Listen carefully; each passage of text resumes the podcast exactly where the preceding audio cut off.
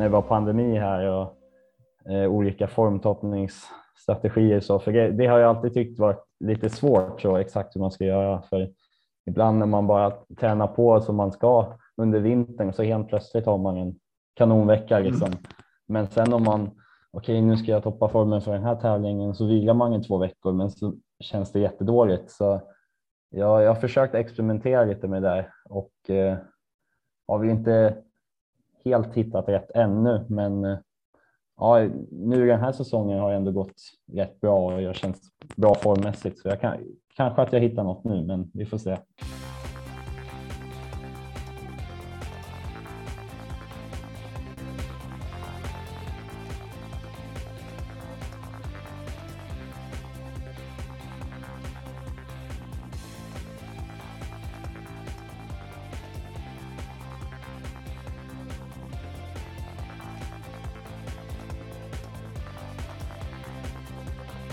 Hallå där allihopa! Varmt välkommen till ett nytt avsnitt av O-ringen-podden. Eh, och så här precis veckan innan 10 mila. Det är lite 10 mila fokus och detta med Simon Imark. Hallå där Simon!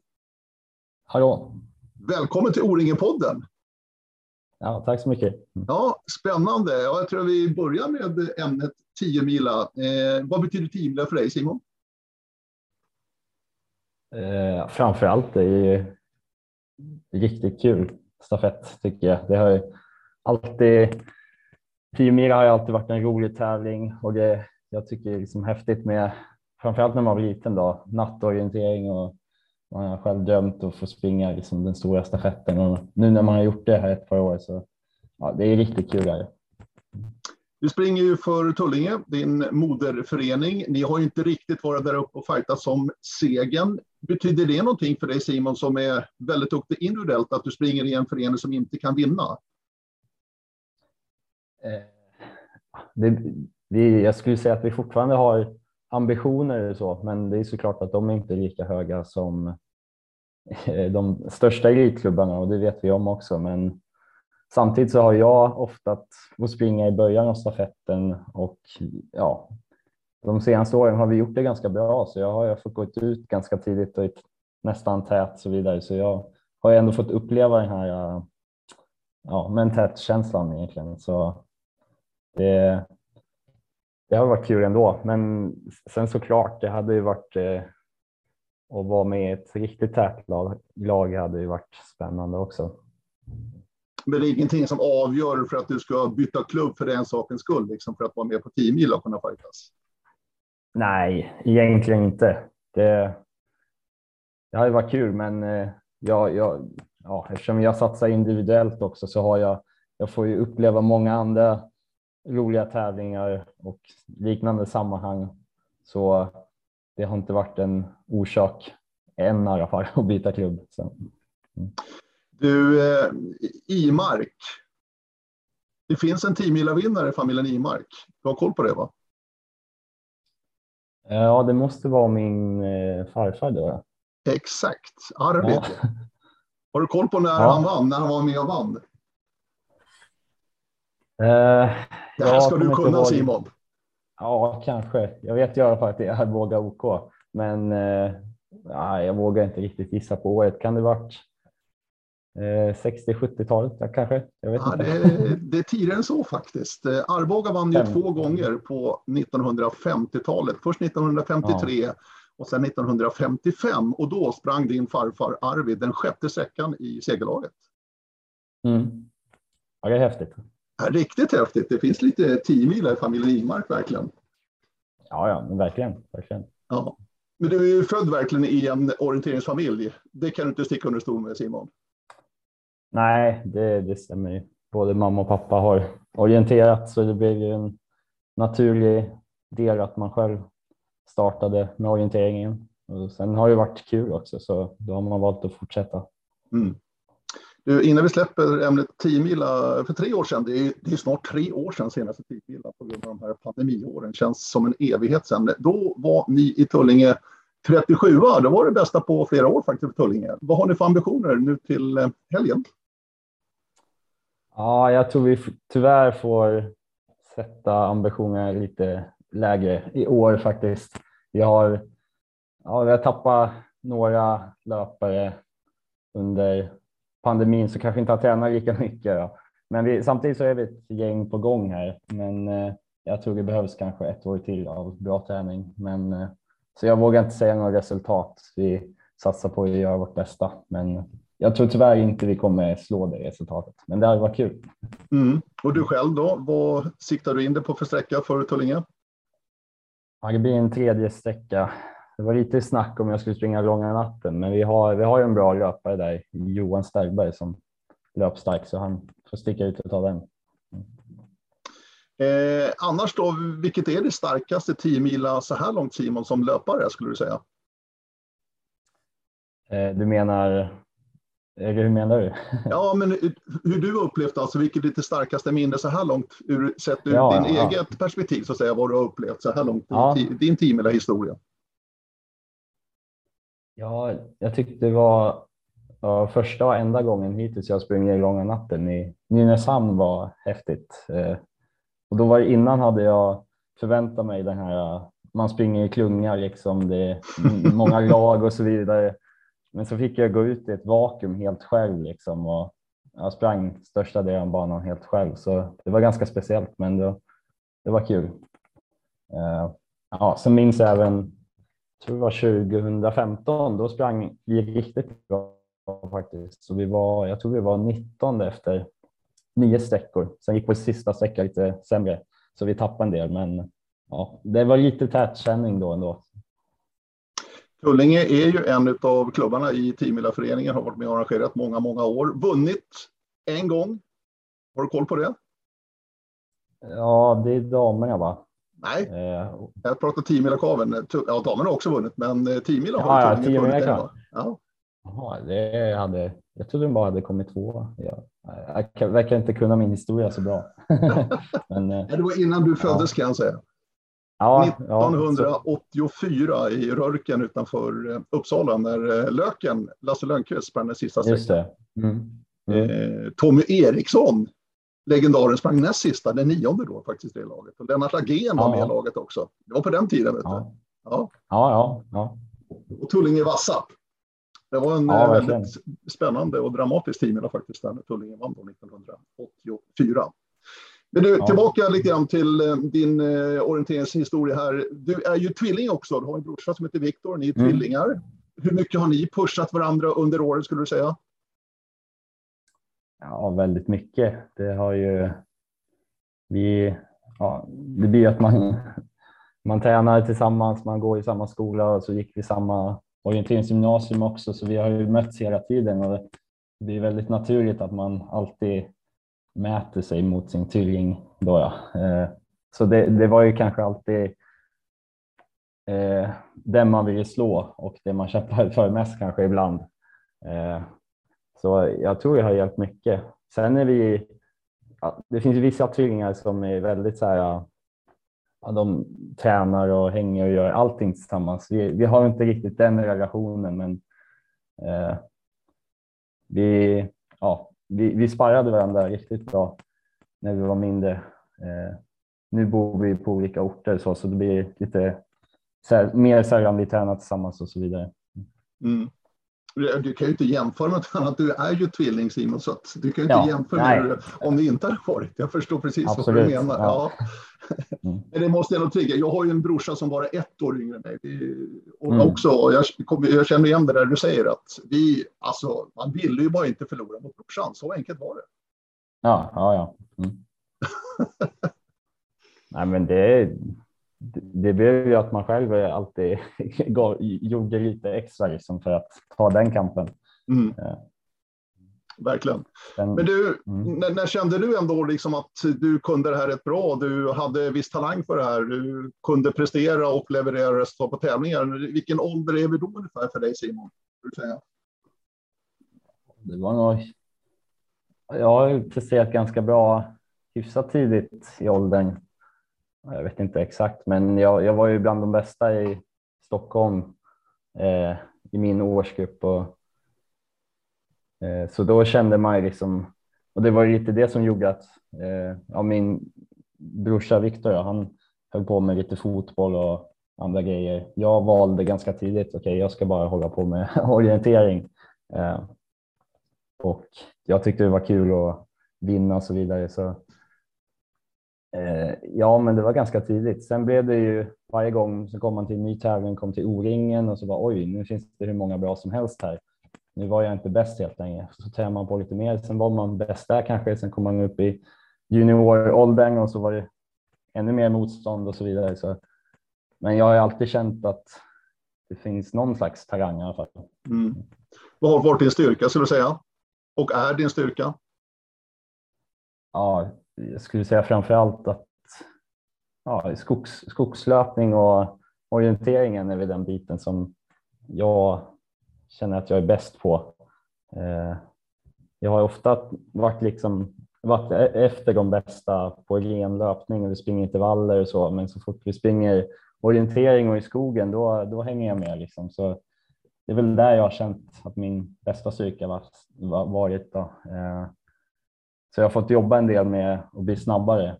Mm. Eh, och där har jag även en del kvar känner jag.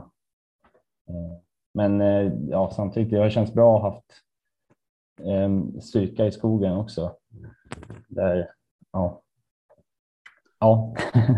Skulle du säga det Simon att eh, världsorientering idag, jag menar, du har sprungit världscuptävling och känna på världens bästa orienterare också. Skulle du säga att eh, världens bästa orienterare, alltså, eh, själva världsorienteringen, att det går mer och mer och att man måste bli ännu starkare fysiskt för att kunna vara med och fighta som en seger? Ja, men det känns ju lite som det. Det, det är liksom kartorna blir bättre och bättre. Eh, det, det, är mer varvning och så vidare. Bara sådana saker som gör att det blir lite mer löpning eh, på banorna.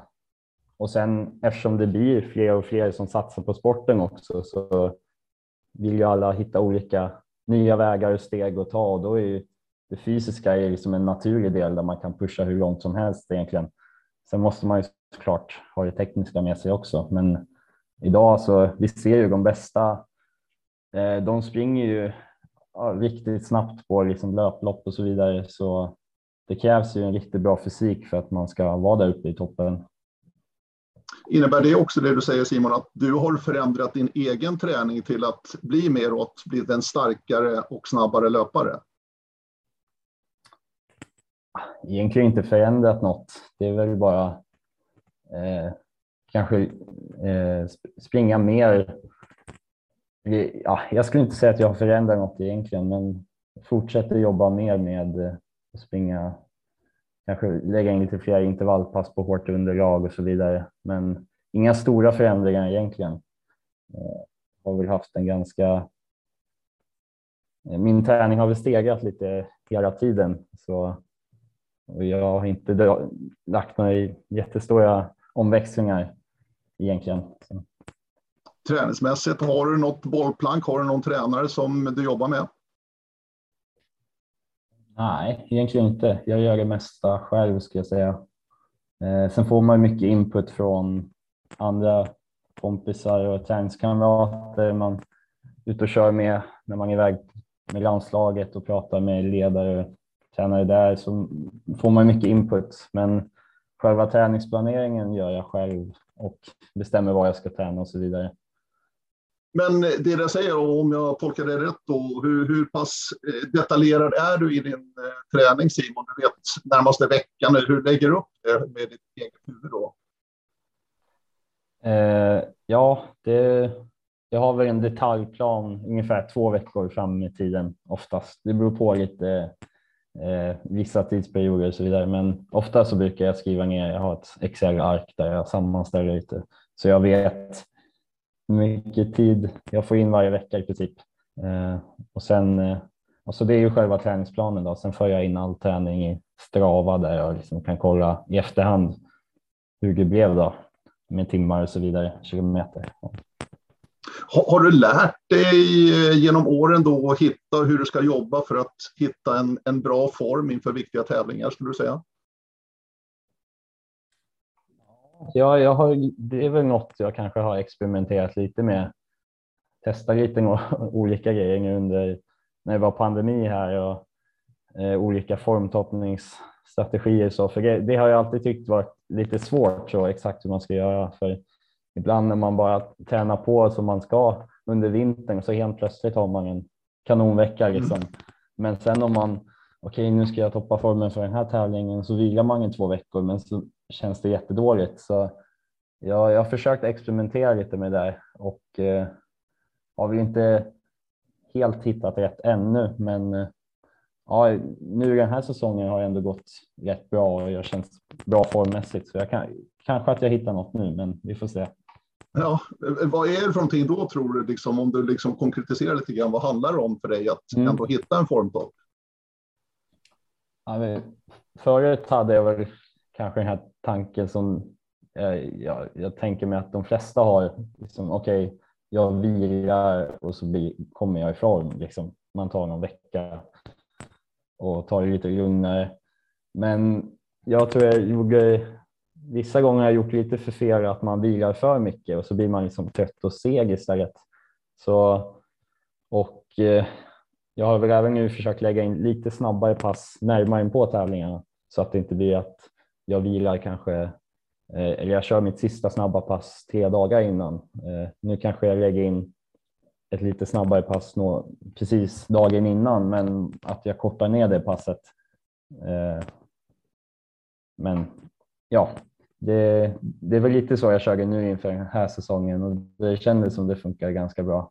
Eh, och ja, inte gå ner i träningsmängd allt för mycket utan ligga på ungefär samma nivå. Men att man kanske skippar de här längsta passen, långpassen och så vidare. Ja, det är, det är ju superintressant det där och det måste ändå vara svårt så att säga, att ändå hitta exakt rätt och veta också att ja, men okej, den där veckan då, då är jag bra form. Det vet jag om jag bara följer det här programmet. Så mm. enkelt är det inte. Nej, det är jättesvårt och det, jag tror även att det är andra delar som ja, vad man äter, hur man sover och kanske om man har skola och det är stressigt och så vidare. Det spelar nog in ganska mycket också, så det, det är svårt att säga. Jag tror det är svårt att ha en liksom, exakt plan eh, för hur man ska göra. Men eh, eh ja, har man testat något flera gånger så märker man i alla fall om det inte fungerar. Eh, tänk på det du sa att du har ju ingen tränare utan du sköter det där själv så att säga med den erfarenhet du själv har byggt upp. Du är ändå en del av eh, landslagsorganisationen eh, i utvecklingslandslaget som det heter. Eh, vad innebär det? Är det där någonting också du kan använda vad det gäller ledare, tränare, fysio, mat, kost som du är inne på Simon lite grann?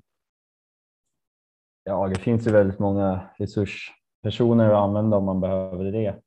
Eh, sen ska väl jag, jag kan inte säga att jag har varit en, någon som har använt allt det där supermycket, men eh, jag har väl mer tagit användning av när jag varit iväg på läger. Liksom. Då brukar jag försöka få ut så mycket som möjligt och ha teknikträning och snacka med ledare och allt möjligt. Eh. Sen finns det såklart om man skadar sig eller om man vill bolla träning så finns det personer att göra det med. Men mm. det är lite olika från person till person hur man väljer att använda det också. Mm. Vad innebär annars Simon att vara en del av eh, landslaget för dig personligen? Skulle du säga? Ja, det känns ju, man är ju stolt att vara med i landslaget såklart och eh, sen tycker jag att det åka iväg på de här träningslägren är riktigt bra. Man får, då är det liksom bra kvalitet på träningar, det är bra, Eh, bra motstånd och så vidare. Så jag, jag tycker det är en väldigt viktig del och, i alla fall för mig nu när jag är student har lite kanske begränsade möjligheter att åka eh, ja, jag har ingen bil till exempel så jag kan inte åka hur jag vill ut på träning och så vidare. Så då är det ganska skönt att komma på ett landslagsläger sen när man får allt serverat liksom. När man kanske annars gör mycket själv. Så eh, nej, jag tycker det är bra. Mm. Eh, student, du är i Göteborg och läser Simon. Hur har det varit som stockholmare flytta till västkusten eller västkusten som de själva säger?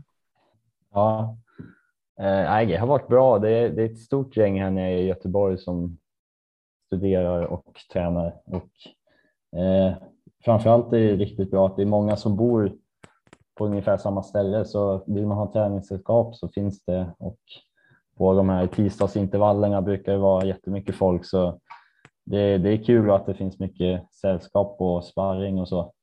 Eh, sen själva staden är väl inte så olik eh, Stockholm skulle jag säga. Så, eh, och sen, ja, det är väl framförallt orientering. Jag kanske flyttade ner hit för. Det, det är lite annorlunda än Stockholm i och med att det, de flesta orienteringar håller sig på samma ställe här. I Stockholm är det lite mer utspritt tyvärr. Det är en lite större stad också.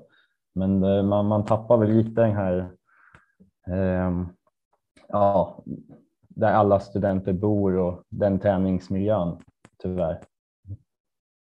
Men annars så är ju miljön väldigt bra. Det är ju som du säger, det är väldigt, väldigt många duktiga orienterare som finns i Göteborg nu för tiden. Om du skulle klä dig i ord lite grann, vad, vad är det bästa med Göteborg när det kommer just till orientering och träning?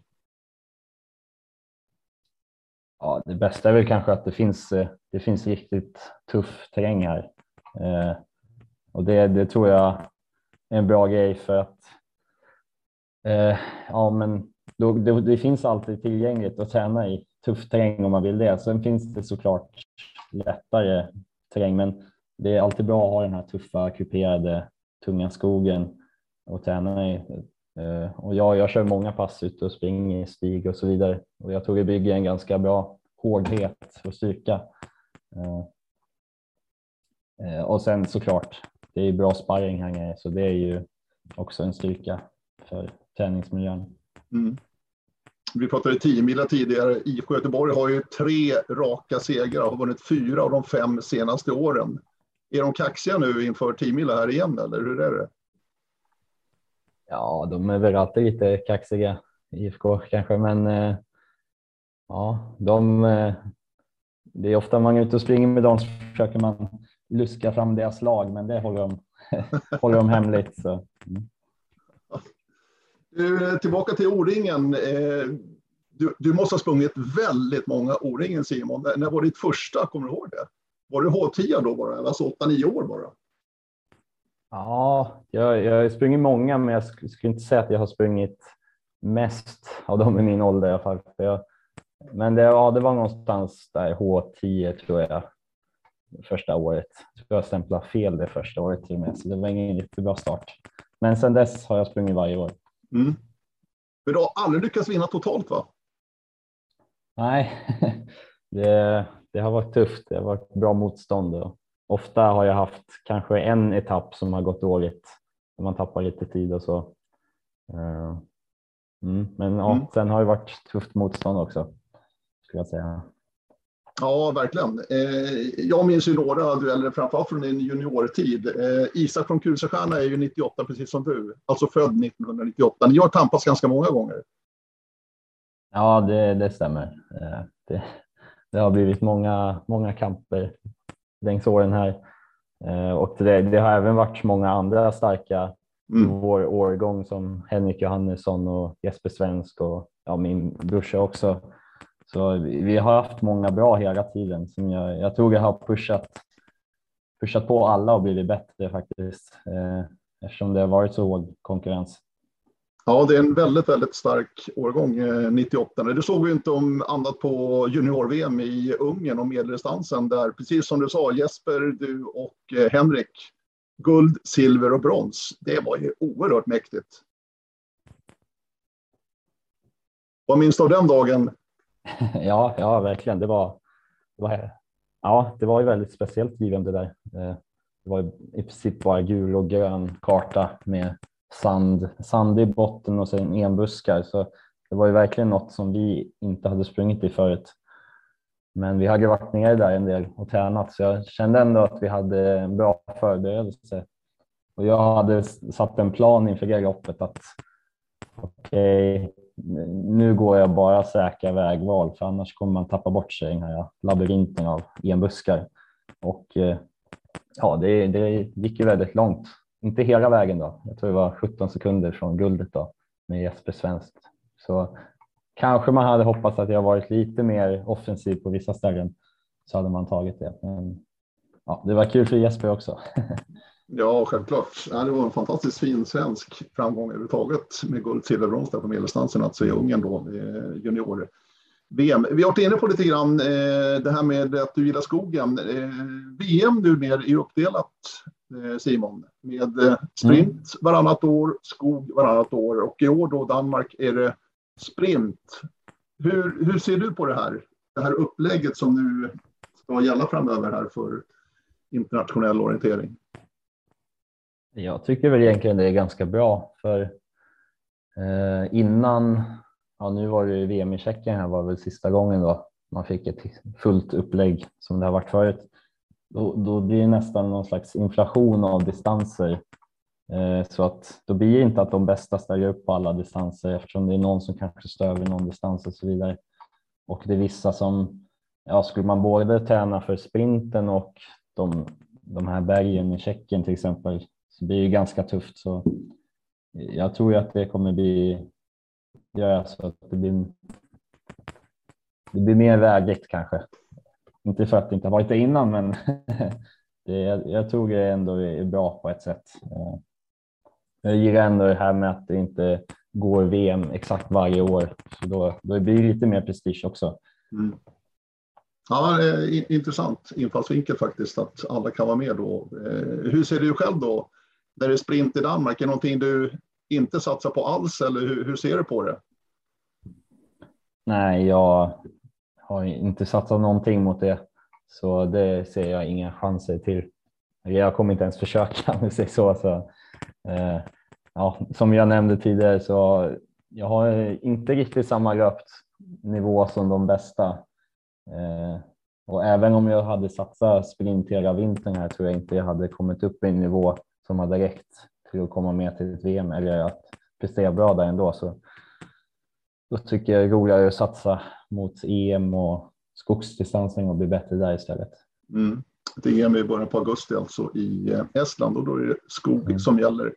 Du, eh, förra sommaren var inne på det VM i Tjeckien där. Eh, din både konkurrent och kompis Isak från Krusestjärna slog till med ett VM-guld. Hur förvånad och överraskad blev du Simon över det där guldet som Isak vann? Ja, jag skulle inte säga att jag blev förvånad. Han, eh, han hade visat, jag, jag vet ju om vad han kan och han har visat det mycket då innan där på landslagsläger och allt vidare att han hade kapaciteten för det där. Det gällde ju bara att få till det också. Han eh, hade ju stökat till sig för sig själv ganska många gånger den säsongen, men ja, han visar ju då att när han väl fick till det så har han ju verkligen nivån att vinna. Så jag, jag skulle inte säga att det var förvånande. Hur, hur kände du i det läget? Var, var det kul för dig också att fan, Isak, VM-guld, då kan jag också fixa det här? Ja, absolut. Det är, man får ju en sån känsla att eh, det känns ju inte lika långt bort då. Eh, och eh, vi har ju varit jämna länge också, så då vet jag att det finns en chans. Eh, ja, så det är inspirerande. Mm. Eh, jag minns ju väldigt, väldigt väl, och du gjorde också Simon, men det var en fantastisk fight du och Isak hade i Örnsköldsvik och eh, O-ringen 2018. Eh, det var ju ända fram till mållinjen i princip alltså. Eh, vad minns du om den veckan? För att det var en oerhörd fight ni hade du och Isak där. Ja, det var, det var en riktigt kul vecka och jag, sån där orientering där uppe i Norrland, det, det tycker jag är riktigt kul också. Så, eh, och sen var det riktigt bra form då också, om jag kommer ihåg det rätt. Så, men det var ju ofta så, jag kommer ihåg det var någon etapp där vi sprang, tror jag det var, där uppe. Jag kom in, hade gjort ett jättebra lopp och ledde med fyra minuter för en annan. Så bara okej, okay, det blir en seger idag. Men så visste man att Isak var kvar och så kommer han och före mig med fyra sekunder och sånt. Så ja, vi, vi var ju väldigt jämna där. Sen fick jag väl ge mig i slutändan där på spurten. Eh, ja, så var det va? Mm, så var det. Han har en ja. liten växel där på slutet som inte du har. Ja, nej, precis. Det är det jag behöver jobba med. Men eh, så och, ja, man vill kanske inte. Om det är någon man ska välja att möta i en spurtfight är det nog inte Isak heller. Så nej, det var tufft. Du, eh, annars, eh, du, du pratar om eh, Övik, Höga Kusten, fantastisk orienteringsterräng. Annars om du får välja några platser där du verkligen trivs som bäst, vad, vad väljer du då, eh, Simon? Jo, men jag gillar ju sån eh, terräng som det är där uppe, kanske uppe vid Umeå också. Jag har sprungit Swedish där några gånger. Det finns delar med riktigt fin detaljerad sluttning och ändå ganska tufft i terrängen. Det tycker jag är kul. Eh, så, och, ja, för jag gillar också när man, man, ställs på prov orienteringsmässigt, inte bara i vägval utan även fin orientering och så vidare. Så det är väl den terrängen i Sverige. Men generellt är det väl, jag gillar när det är detaljerat och tungt och riktig orientering. Mm. Man ska säga. Men, men om du tittar framåt då Simon för din karriär, vad ser du framför dig som dina stora mål om du ser på lite sikt framöver? Mm. Ja, det är väl om man tittar ganska, eller inte superlångt fram, men några år fram så är ju VM i Finland 2025 som hade varit häftigt och ja, jag känner att jag är bäst i så nordisk terräng så det hade varit häftigt. Så det, det, är väl ett mål jag blickar fram emot. Eh, sen även då VM nästa år i Schweiz. Men eh, ja, det, det, är en tuffare terräng för oss som kommer från Sverige och Norden. Och, eh, ja, så då får man nog fundera på om man ska spendera lite mer tid på hög höjd eller nere där i Alperna för att träna på backar och så vidare. Men eh, ja, det hade också varit häftigt. Mm. Men det, det, det, är väldigt annorlunda säger du när du kommer ner till Schweiz och de här alpängarna och den andra. En annan kupering. Det är också till viss del en liten annan orientering. Ja, verkligen. Det, det, medeldistansen är väl om man kollar på hur det ska se ut där så är det väl lite likt den terrängen vi är van med, men en långdistans där och springa runt på alpängar det är något helt annat och som vi snackade om det här med att man måste vara fysiskt stark. Där gäller det verkligen. Det blir mycket fysik där när det är så god sikt och, och så vidare. Mm. Eh, avslutningsvis Simon, du har fått en flygande start på säsongen. Det har gått fantastiskt bra för dig. Du var ju tvåa då långdistansen nere i Blekinge, Swedish League, där bakom Gustav Bergman. Sen vann du napp på ett väldigt övertygande sätt. Det var ett fantastiskt bra lopp du fick till där i mörkret i Godegård. Mm. Ja, det både långdistansen där i Blekinge och Nattdressen var riktigt bra lopp. Nej, liksom bara, orienteringen bara stämde och så kändes kroppen bra också.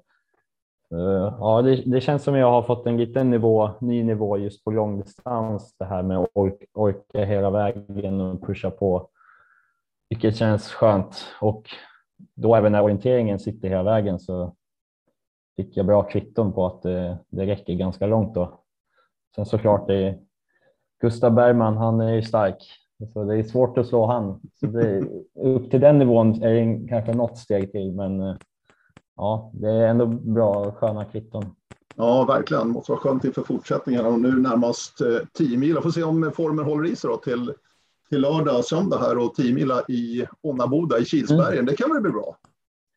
Ja, det, det, det, ska bli kul. Så jag ser fram emot att springa lite natt på 10 mila.